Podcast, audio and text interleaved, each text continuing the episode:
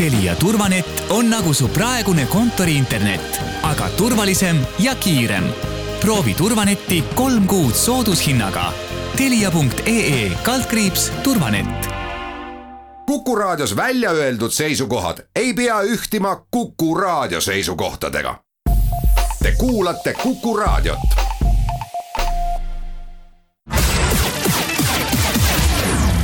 nädala Tegija. Nädala Tegija astub hääletusammuga RM stuudio põrandal.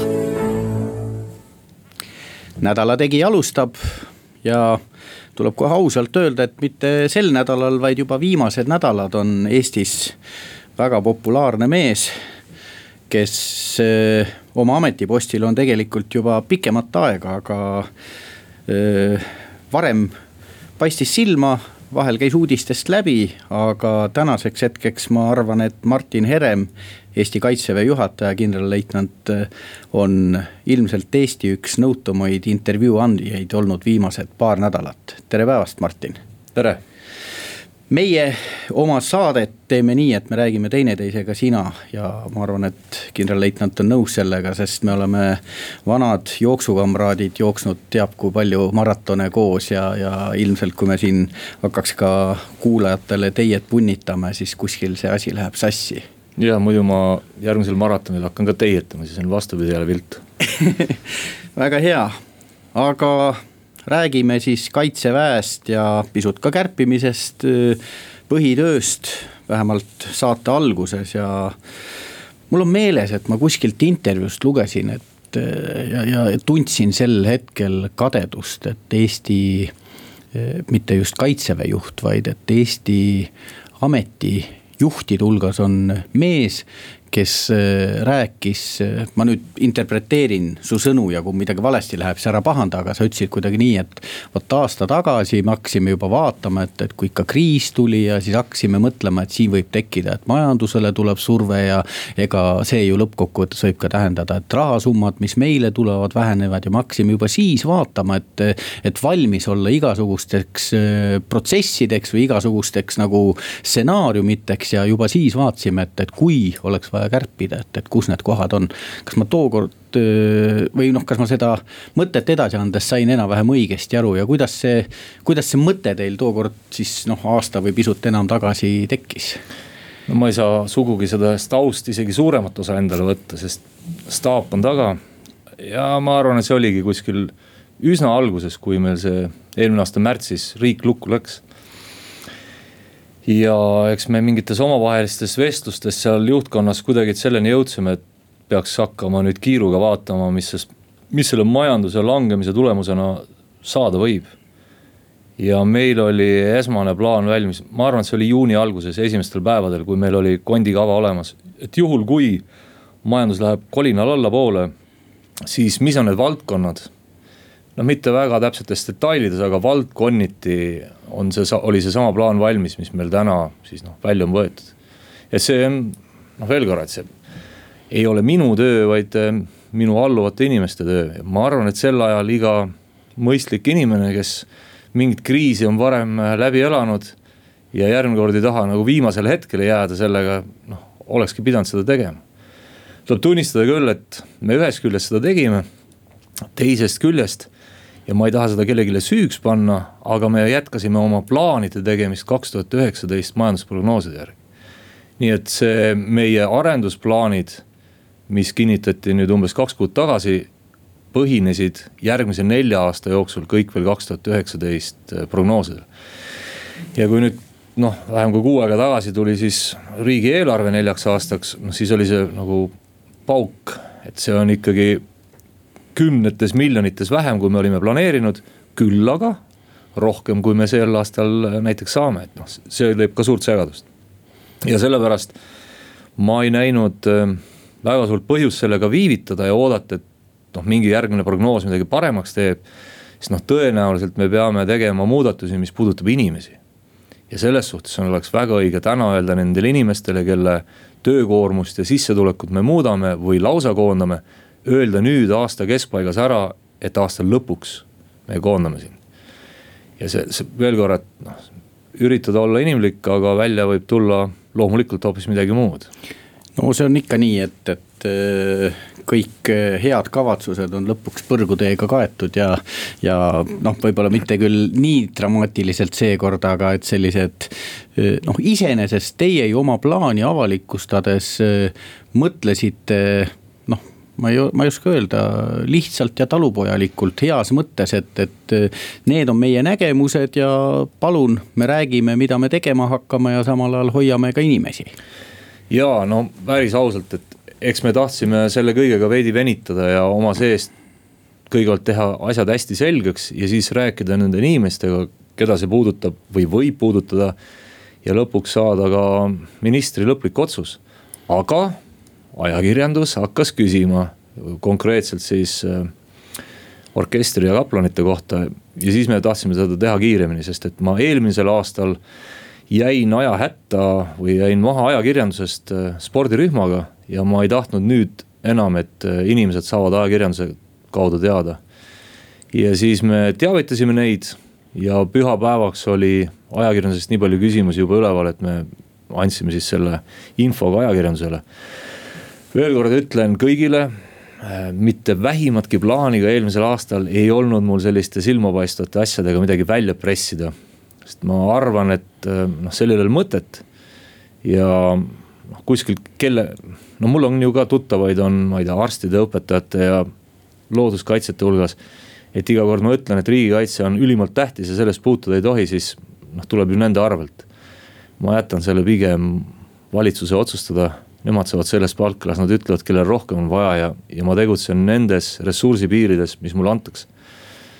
No ma saan õigesti aru, et eh, sinu ja ütleme siis kaitseväe peastaabi, kaitseväe üldine ootus on see, mis on tegelikult Eestis poliitikute ja ka liitlaskokkulepetega kokku lepitud, et, et eh, milit- või kaitsekulutustele peab kuluma kaks protsenti sisemajanduse kogutoodangust, pluss teatud lisakokkulepped, mis on sellele juurde tulnud. sellega on nagu lihtsam planeerida ja isegi kui see majandus langeb või tõuseb, siis sa saad, noh, kuidas ma ütlen, sa ei pea tõestama seda ja siis arvama, et kas sa saad nii või naa palju, et sa võid ise ennem enam-vähem ära prognoosida seal oma kaks protsenti ja. Ja mis, mis see annab, on see, et sa saad äh, mitme aasta peale ette, kuni kümne aasta peale vaadata, mida sa siis hangid, mida sa hoiad alles ja mis aja peale sa saad mingi uue võime valmis. ja see loob sellise kindlustunde ja tegelikult see loob ka reaalse riigikaitse, et kui see asi kogu aeg hüppaks noh ootamatult üles-alla, siis sa ei teaks, kuhu mingil aastal hangetele või ülalpidamisele midagi panna ja ma arvan, et meil oleks pooled asjad ligadi-logadi nagu poolvalmis ainult ja ei sõidiks noh, enamus asju. et noh, selles suhtes äh, muidugi see annab kindlustunde.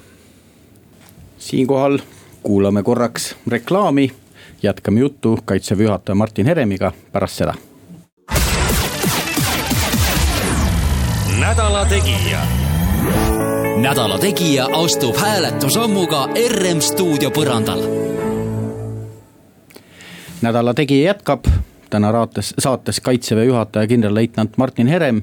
mina olen Meelis Atonen ja räägime kaitsevõimest ja, ja pisut ka kärbetest, aga nende kärbetega seoses tegelikult on äh, päris palju juttu olnud äh, selles, et et kaitsevägi pidi tegelikult vaatama otsa ka sellele, et on uued asjad, on uued initsiatiivid noh, kasvõi ma ei tea, rannakaitse ja sellised asjad, mis tulevad.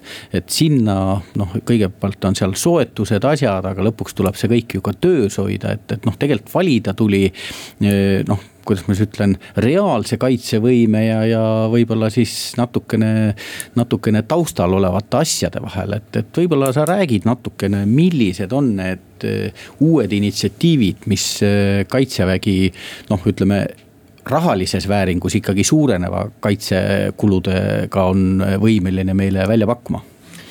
võib-olla seletan, et kärpeid ka korra lahti niimoodi, et inimesed saaksid aru, kuidas mina aru saan, et.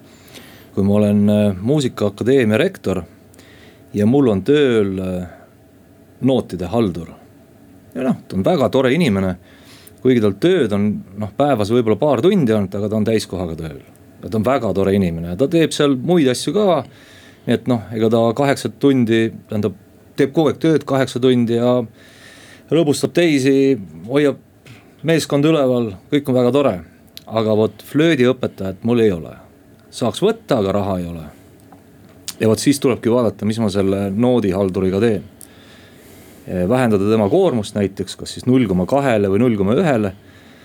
ja võtta selle asemel selle null koma kaheksaga siis tööle see flöödiõpetaja. noh, põhimõtteliselt oleme me kaitses praegu tegema täpselt sama need flöödimängijad, mida me näeme järgmisel aastal on näiteks meremiinid. ja ma loodan, et sellel aastal me kirjutame alla lepingu laevatõrjerakettide hankele. ja kui me selle alla kirjutame, siis kahekümne kolmandal, neljandal aastal on ta meil relvastuses. see tähendab äh, kümneid inimesi, keda me peame äh, nende süsteemide opereerimiseks tööle võtma või ümber ümber õpetama olemasolevast, aga siis, kui me kedagi ümber õpetame, siis need vanad kohad tuleb ka ära täita et me põhimõtteliselt peame tegema ruumi ja panema sinna ressurssi. et see võib-olla on sellised võimearendused, mis kõige rohkem silma paistavad, aga side, kogu see IT-maailm, neid läheb aina rohkem, me arendame ka meresidet ja mereseiret. ka sinna läheb jälle mõned inimesed. nii et noh, ei saa teha niimoodi, et valitsus andis nelikümmend kuus miljonit ja ostame need raketid ära ja siis, kui nad kolme aasta pärast tulevad, siis me hakkame mõtlema, kuidas me nendega üleüldse opereerime. noh, täna juba tuleb, kui see otsus midagi osta ära on, siis tuleb juba mõelda, mis on see taristu, mis on need inimesed, kuhu kooli nad lähevad ja kõik see muu. tegelikult need plaanid on meil kõik olemas. juba mitu aastat ma julgen öelda erinevate süsteemide kohta, et kui oleks raha osta, siis kui palju on vaja raha, et ülal pidada.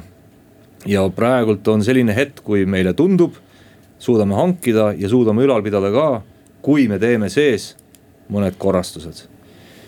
Ja noh, sellest ma võin siin niimoodi elavalt rääkida, ma saan aru, et see puudutab väga konkreetseid inimesi, kelle. nagu ma enne ütlesin, lihtsalt töö või sissetulek väheneb ja see on kõik väga karm.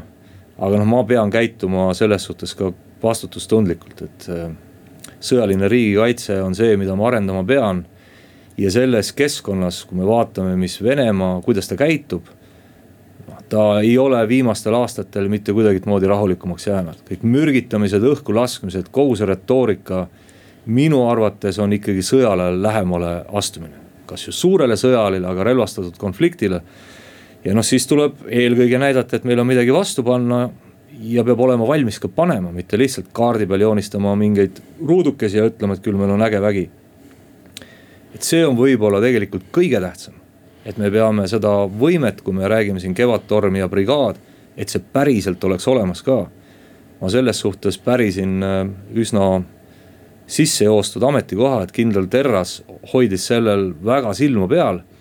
ma ei saa öelda, et eelmised ei oleks hoidnud, aga lihtsalt meie ressursiteadlikkus, kui palju midagi maksab Äh, mida üldse maksab ülal hoida mida on võimalik saavutada, on viimastel aastatel paranenud ja tänu sellele ma sain nagu sellise üsna, üsna heas seisus ülevaate mõttes selle positsiooni ja ma olen üritanud seda lihtsalt edasi ajada, et mitte teha sellist õhupalliarmeed no venelased ütlevad pakasuha, et, et, et nad ilmselt pakasuhast end petta lasta ei laseks, et selles mõttes pead ikka tõesti reaalset armeed neile näitama. Ja ma arvan ka, et äh, Venemaa ütleme niimoodi, taltub pigem väikese rusika ees kui suure täispuhutud karutopi sees, et noh, tuleb olla ikkagi päris, kasvõi väike, aga päris. inimestest äh, sa rääkisid, see on noh, ma olen alati mõelnud, et, et, et seesama, et noh, infotehnoloogia ja kõik see ju tegelikult tuleb relvastusse piltlikult öeldes kaudselt küll, aga noh, ta tuleb. et no ma tean, kui keeruline on ettevõttes leida häid inimesi ja, ja milliseid palku makstakse tänapäeval IT-spetsialistidele ja, ja, ja ka matemaatika taustaga inimestele. kuidas kaitsevägi kogu selles võidujooksus hakkama saab, millega te suudate noori noh, valdavalt nad on nooremad, ehkki mitte ei pruugi olla, eks ju, et, et võivad ka vanemad olla. kuidas te ikkagi suudate, ma nüüd ei räägi mitte sellest ajateenistuse perioodist, vaid just nimelt neid spetsialiste enda juurde meelitada? see palgaralli muidugi käib ja ma ei saa öelda, kas riigisektor või erasektor seda eest ajab, aga praegu on tõesti olukord nii, et noh, napilt kõrgharidusega või isegi ilma selleta inimesele tuleb maksta noh, põhimõtteliselt rohkem palka kui kahekümne aastase staažiga magistriharidusega pataljoni ülemale. kellel on või, või brigaadi ülemale isegi, kellel on noh viis tuhat alluvat. ja sa pead maksma siis ühele IT-kutile või tüdrukule rohkem. aga no midagi ei ole teha. see, kuidas motiveerime, ma ei saa öelda, et me nüüd selles head oleksime, rahuldaval tasemel ehk noh, palk on üks. aga teine on siis see töökeskkond, huvitav töö, mida me üritame pakkuda ja no ma arvan, me oleme praegu rahuldavalt hästi hakkama saanud, hästi mitte, rahuldavalt küll. kas eh, noh, iseenesest on olemas ju koolid, mis õpetavad kutselisi sõjaväelasi, et kas selliste koolide raames, ma ei mõtle isegi kindlasti Eestis, aga rahvusvaheliselt on võimalik ka noh, ütleme siis endale sobivaid, kas IT või, või vastavaid spetsialiste välja õpetada, et noh, piltlikult öeldes. kui nad siin Tehnikaülikoolis või Tartu Ülikoolis käivad ja seal õpivad, siis noh, juba esimesel kursusel tulevad värbajad ja löövad tuha-, X tuhandelised ja. pakkumised letti ja noh, võib-olla, et juba jääd hiljaks, et, et kas, kas on mingid eh, variandid, et kaitsevägi mingit muud kanalit pidi neid välja õpetada saab? no ühest küljest oma põhikursusel, mis on siis rakenduslik baka, eks, meil on ka ju side eriala. et sealt saab äh, teatud ettevalmistuse, aga me ei taha neid ikkagi küberspetsialistideks seal koolitada. sest nendest loodetavasti tulevad kunagi üldväejuhid. aga aluse nad seal saavad ja edasi on äh, noh, täiendusõpe. aga noh, ma ikkagi ütlen, et sellele üldharidussüsteemile ega me vastu ei sea ja tundub olevat ka mõistlik sealt värvata inimesi ja eks see võistlus käib kogu aeg loomulikult. ma loodan, et me oma täna veel väikese küberajateenistusega suudame ka mingi sellise pisiku sisse sööta inimestesse, kes on nii-öelda küberajateenistuses. ja siis kunagi pärast ülikooli võib-olla tulevad meile ka tööle, aga ja ma, ma kardangi, et see küberajateenistus on võib-olla üks võtmesõna, kuidas täna kaitseväe ja ka riigisektori kübervajadusi kaitse mõttes ära lahendada, et meil on siin üht-teist on praegu ütleme niimoodi mõttes. et kuidas võib-olla küberajateenistust suurendada, aga, aga need siin pole isegi veel varsi ja õitest rääkimata, et see on veidi vara rääkida täpsemalt. kas selles valdkonnas on ka rahvusvahelist koostööd tundes, noh, see ei ole ju mingi Eesti spetsiifiline mure ilmselt, et konkurentsis pead püsima ja, ja leidma häid spetsialiste, et see on ju tegelikult, ma, ma kahtlustan küll, et üleüldine mure on küll, muidugi kõik kaitseväe juhatajad äh, kaebavad sama asja üle, et ta võib õpetada aastaid ja teenistuskogemus on kümneid aastaid. ja sa pead ikkagi ühele noorele kutile rohkem maksma ja see noh, siis sa pead ka sellele oma üksuse ülemale jälle rohkem maksma ja nii see palgaralli siis lõpuks peale hakkab. et see on ikka nihuke lai probleem. noh, käisin just Šveitsis siin mõni nädal tagasi ja vaatasin, kuidas seal on asjad korraldatud, Šveits muidugi palju rikkam, teistsuguse riskiolukorraga. aga nemad kasutavad kodanikke läbi ajateenistuse teatud riigi toetamiseks päris edukalt, nii et ma arvan, meil on sealt õppida midagi. siinkohal kuulame uudiseid reklaami, kindral Heremiga jätkame pärast seda. nädala Tegija.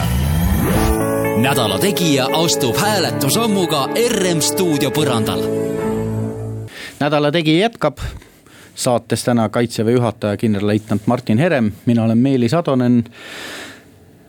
me jõudsime juba inimesteni ja kuidas neid motiveerida, no teil on äh, kaitseväel on äh, veel väga suur ressurss, on äh, ajateenijad no ei tea, äkki räägime selle termini kõigepealt laiali, et ma olen ka kuulnud, et sulle see väljend väga ei meeldi ja kui, kui ma seda esimest korda kuskilt ajalehest lugesin, siis ma hakkasin ka mõtlema, et see ajateenija tähendab nagu aja.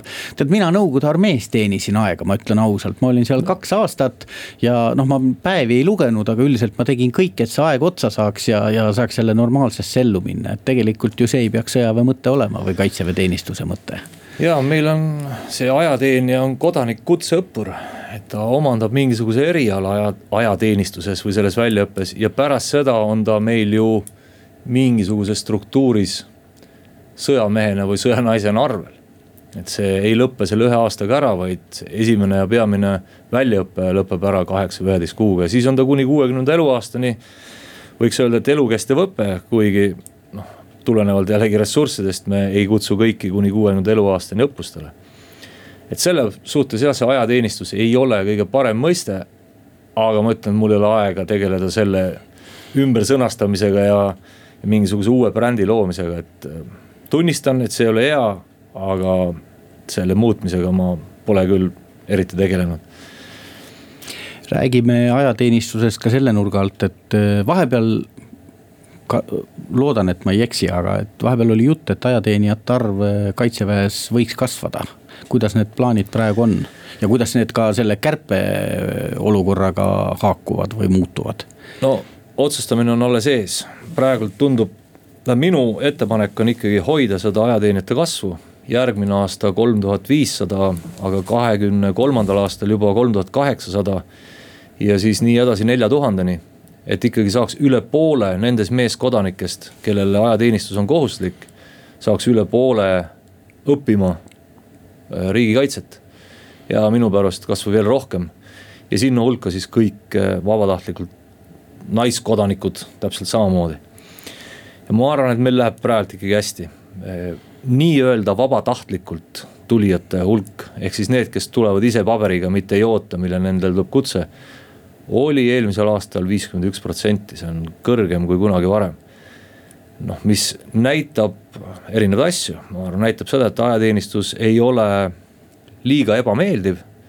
Need, kes ajateenistuse on läbinud, nii-öelda reservväelased on andnud sellele piisavalt positiivset tagasisidet, ühiskonnas tervikuna on selline positiivne foon. ja ainult niimoodi me tegelikult kasvada saamegi, et ega me ei pea mingi kaikaga kuskilt taga ajama ja, ja mõõtma, kas keegi petab oma tervisega.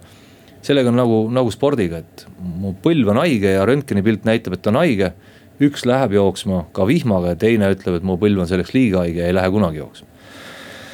et see on noh, ühesõnaga planeerime kasvada. ja mm, -hmm.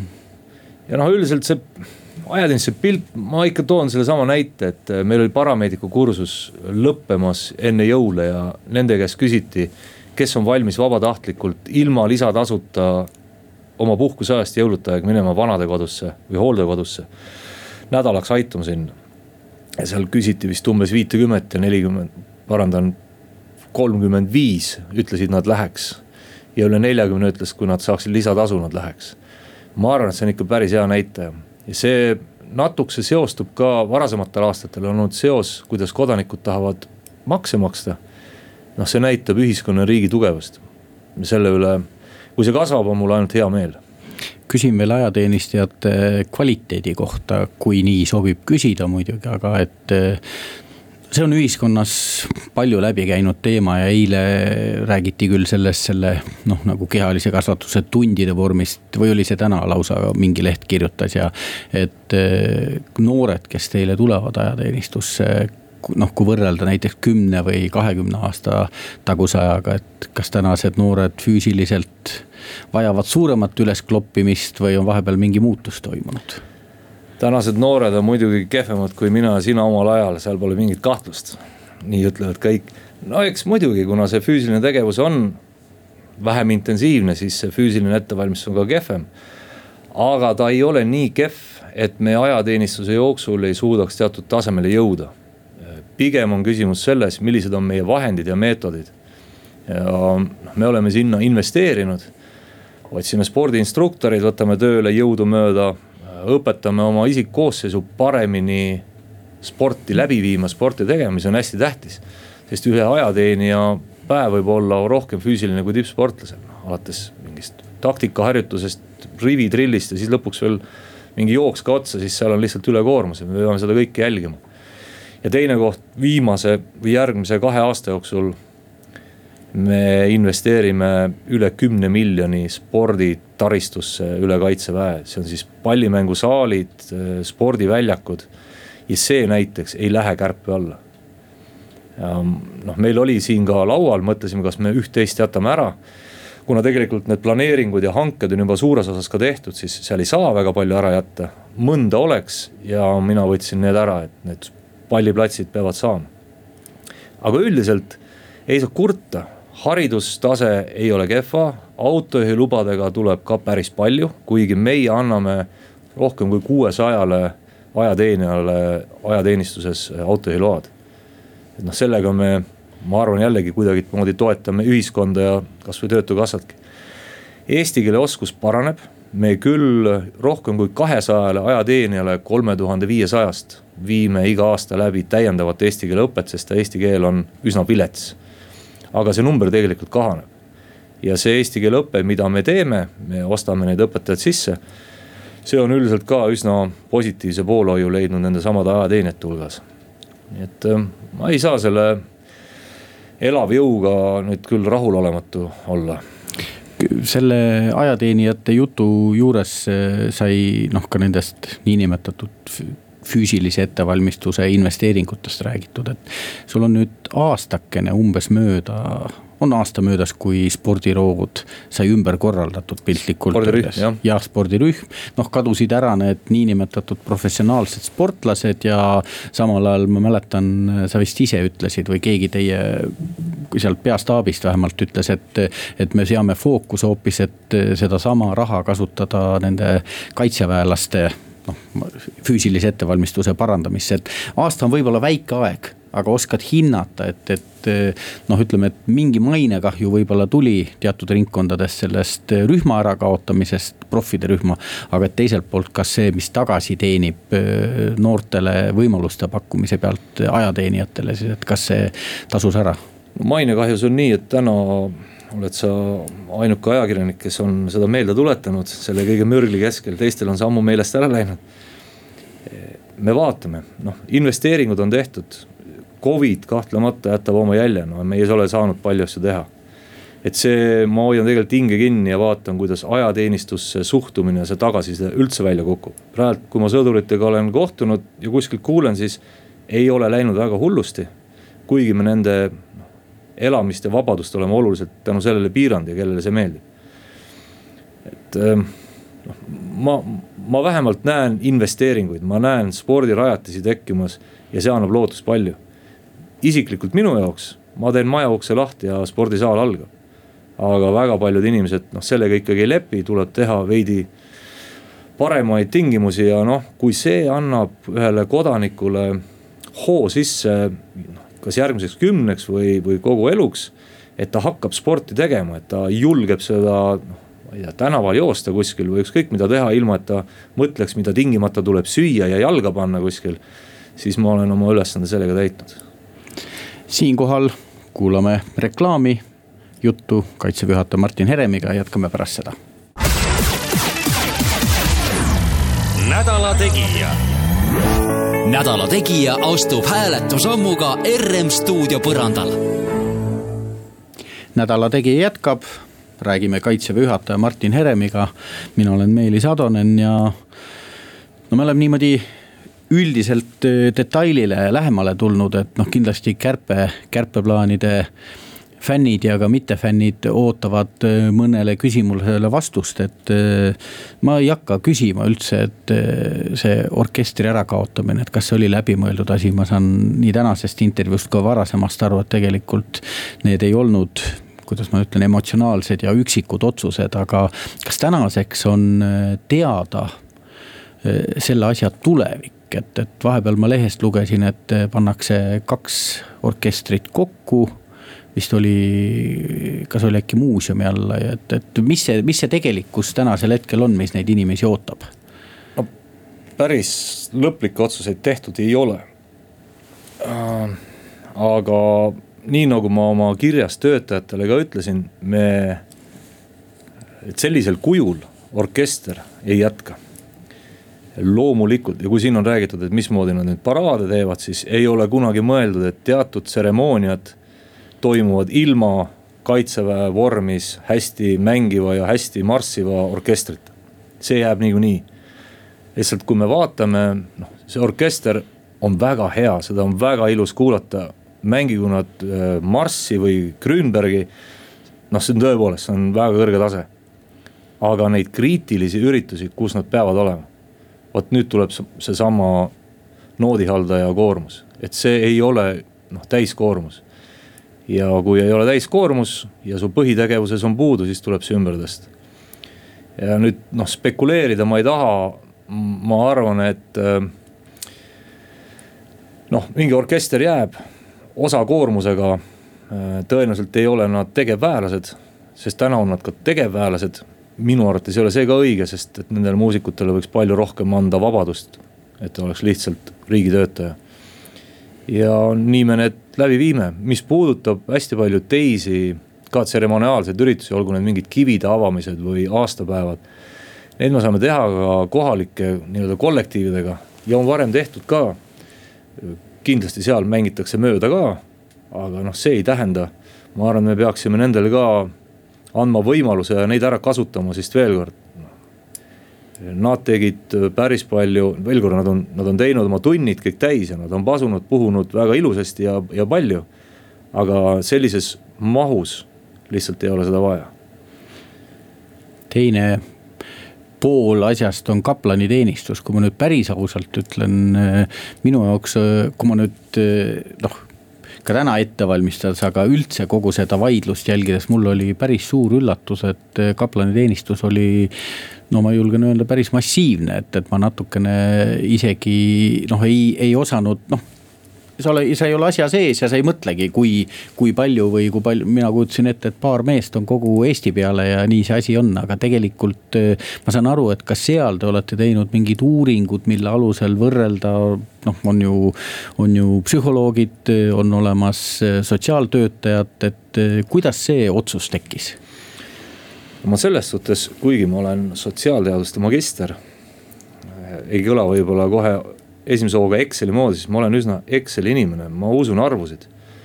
ja ma usun uuringuid, me oleme viimastel aastatel silma peal hoidnud teatud protsessidel ja trendidel ja siis jälginud, mis numbrid räägivad selle kohta. ja no üldiselt, kui kaplanid, kes on noh, siiski kristlik hingehoid eelkõige siis nende poole pöördutakse noh, ütleme niimoodi üsna vähe. ja kaplanid ka väga toredad inimesed, äh, haritud ja nad loomulikult teevad oma kaheksa tundi ja veelgi enam täis. aga see pigem on seotud juba mingite muude ülesannetega, need on raamatukogud, äh, tseremoniaal, traditsionaalised mingid üritused. nii et noh, see tuleks ka ümber vaadata. kaplanid kahtlemata noh, annavad juurde ülemale seda, et äh, milline on selline moraalne ja eetiline kliima tema allüksuses üleüldse. Seda kõike nad äh, suudavad teha. aga nüüd on küsimus jällegi, et kui palju me seda vajame. kaplaneid me ära ei kaota, meil on reservis umbes suurusjärgus viiskümmend kaplanit. kes kuuluvad siis kõik sõjaaja üksuste juurde ja siis on sellist hingeabi päris kindlasti vaja, vähemalt nii täna arvame, rohkem kui meil rahuajal ja me korraldame ümber kogu kaplaniteenistuse, ehk siis kõik õppused, üksuste õppused. Ja muud sellised harjutused, kaplanid on kohal, käivad nii nagu kõik ülejäänud reservväelased ja kaks kaplanit jääb teenistusse, kes siis seda teenust hakkab äh, korraldama kaitseväes. nii et me ei pane kinni ei orkestrit, ei pane kinni kaplaniteenust. mõlemad on öeldud selles kirjas, mis läksid töötajatele ja mõlemad asjad on öeldud selles pressiteates lihtsalt äh, noh, emotsioonid ei lase neid sõnu enam inimestel mustvalgel lugeda.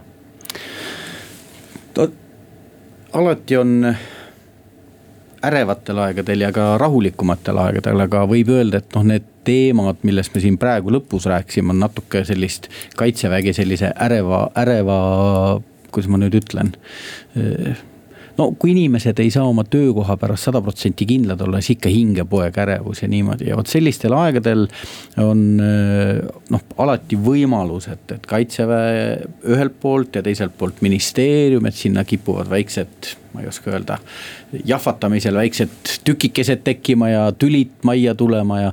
kui sina oled nüüd äh, kaitseväe juhatajana oma plaanidest poliitikutele rääkinud, aga noh, esimene iseenesest loomulik äh, aste on ikkagi kaitseminister ja, ja sealt edasi juba, et äh, oled sa nagu tundnud tegelikult toetust või oled tundnud, et teagi, et üks päev on toetus, teine päev ei ole toetus? no siin on olnud äh väga üksikud korrad väljaütlemisi või tegelikult üks pressikonverents, kui korra käis nõks läbi. et kas ma olen äh, kuidagi valesti millegagi. aga see oli see peaministri pressikonverents või? aga ja, ma tegelikult ja. Äh, tean seda, et see, see vihje ei olnud minule suunatud. et kokkuvõttes ma ütlen, et viimase kahe nädala jooksul ma olen ennast tundnud äh, toetatuna ja õigel teel olevana nii-öelda ka noh, minu omakorda ülemate poolt. ja laias pildis neid kärpeid ja neid otsuseid olen ma tutvustanud ka eh, ministritele. ja saanud nii-öelda esialgse heakskiidu selles suunas minna. noh veel korra, lõplikud otsused alles tulevad kas, noh kui sa täna mõtled ajas tagasi, sa rääkisid, et aasta tagasi noh ma ei saa öelda, et te siis planeerisite kärpimist, aga tegelikult te valmistusite selleks, milleks minu arvates iga normaalne ettevõtte juht valmistub. ma võin öelda, et meie oma firmas olime valmis, me tõesti vähendasime palku ja olime valmis, et kõige halvem juhtum, no meil üks teenus kaduski sisuliselt ära, aga et noh, selles mõttes normaalne mõtlemine oli. aga et kui sa nüüd mõtled äh, aegruumis või sellisest distantsilt natukene tagantjärgi, et. et kas on mingeid kohti, kus mõtled, et ah, äkki oleks pidanud mitte selle asjaga tegelema või millelegi peale vaatama või, või pigem oled. ongi aeg nüüd andnud selle kindluse, et see ettevalmistus ja ettevalmistumine varakult oli väga õige. ma olen kindel, et me teeme õigeid asju, mitte tingimata õigesti. ja noh, siin on seda eksimise võimalust nii palju no inimesed peavad teadma, aga kellega sa räägid ennem, kas ministriga või selle inimesega, kellega sa kavatsed muudatusi teha ükskõik kummale poole sa enne pöördud, võib teine tunduda ennast kohe noh solvatuna või, või ilmajäetuna millegist. ja siis lõpuks tuleb veel ajakirjandus ja, et noh, sellesse möllu sa paratamatult satud. õppida sellest tuleb, aga veel kord, ma olen üsna veendunud, me teeme õigeid asju. ma küsin nüüd saate lõppu natuke täitsa eraasju ka, et, et teatavasti meid seob ühine huvi mitu maratoni sul tänaseks elus läbitud on? vist kõvasti, ma arvan, et rohkem kui kaks korda vähem kui sul, kuuskümmend üks no see on ikka päris kena arv, et äh, räägime nüüd sellest, et äh, raadiokuulaja teab, et sa oled kaitseväe juhataja, aga tegelikult äh, sa oled äh, Järva kandis ka sellise laheda klubi liige ja, ja te korraldate äh, Jim maratoni ehk siis Järvakandi iga mehe maratoni, et, et no, ma, ma olen alati mõelnud, et inimesed, kes on väga vastutusrikastel kohtadel, et kuidas neil seda aega jätkub? Sa aasta jooksul vaikselt teed ühte ja teist ja no minul ei ole selles väga suurt koormust, viimastel aastatel on mul sõbrad teinud palju rohkem ja ma üritan kõrvalt teha seda, mis ripakile jääb. aga noh, kui sa kuulud sinna sinna alevisse või sinna külla ja sa tunned ennast kuidagi seal omana, siis, siis on lihtsalt tahtmine midagi teha. ja nii me, me oleme seal toimetanud. Kuidagi ta endale pakub ka rõõmu, kui sul tuleb üle kahesaja inimese üle Eesti ja jookseb siis kümmet ringi seal. me teeme nüüd ka eh, sügisel maastikumaratoni. oleme kaks aastat teinud ja noh, selle idee on tegelikult ka tuua selliseid võib-olla ka rohkem tuntud isikuid sinna jooksma, külarahvas näeb. noored, aga ka vanad tulevad, proovivad ka. ja natukese võib-olla populariseerida sporti on kuidagi liiga lihtsalt või labaselt öeldud, aga. Aga midagi taolist, näidata, et tegelikult sport ja spordi tegemine on täiesti normaalne ja isegi vajalik asi. No raadiokuulajale infoks võin öelda, et see Järvakandi igamehe maraton, see on iga jooksusõbra või ütleme siis maratonisõbra Äh, must be lehel, sellepärast et äh, jooks toimub nelja koma kahe kilomeetrise ringi peal. ja noh, see publiku või, või siis kohalike elanike kaasaelamine ja fännamine ja need joogipunktid ja seal iga joogipunkt on äh, elamus omaette. ja see klubi, kellega te neid asju ajate, Järvakandi Vellod, et äh, ikka, ikka seltskonnad käite koos ja teete ühiselt asju lisaks sellelegi.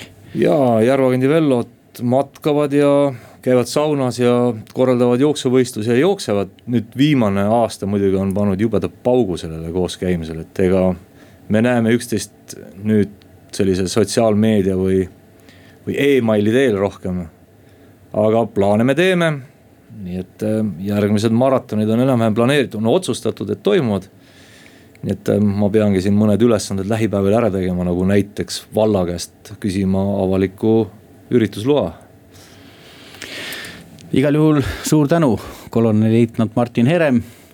minul on küll kodanikuna hea tunne, kui sellised mehed riiki juhivad ja sellised mehed maratone korraldavad ja kindlasti augustis, kui ma nüüd olümpiale juhuslikult ei saa, siis olen jalg joonel ja jälle teie üritusele naudingut saamas. aitäh, jõudu.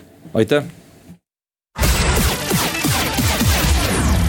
nädala Tegija nädala Tegija astub hääletusammuga RM stuudio põrandal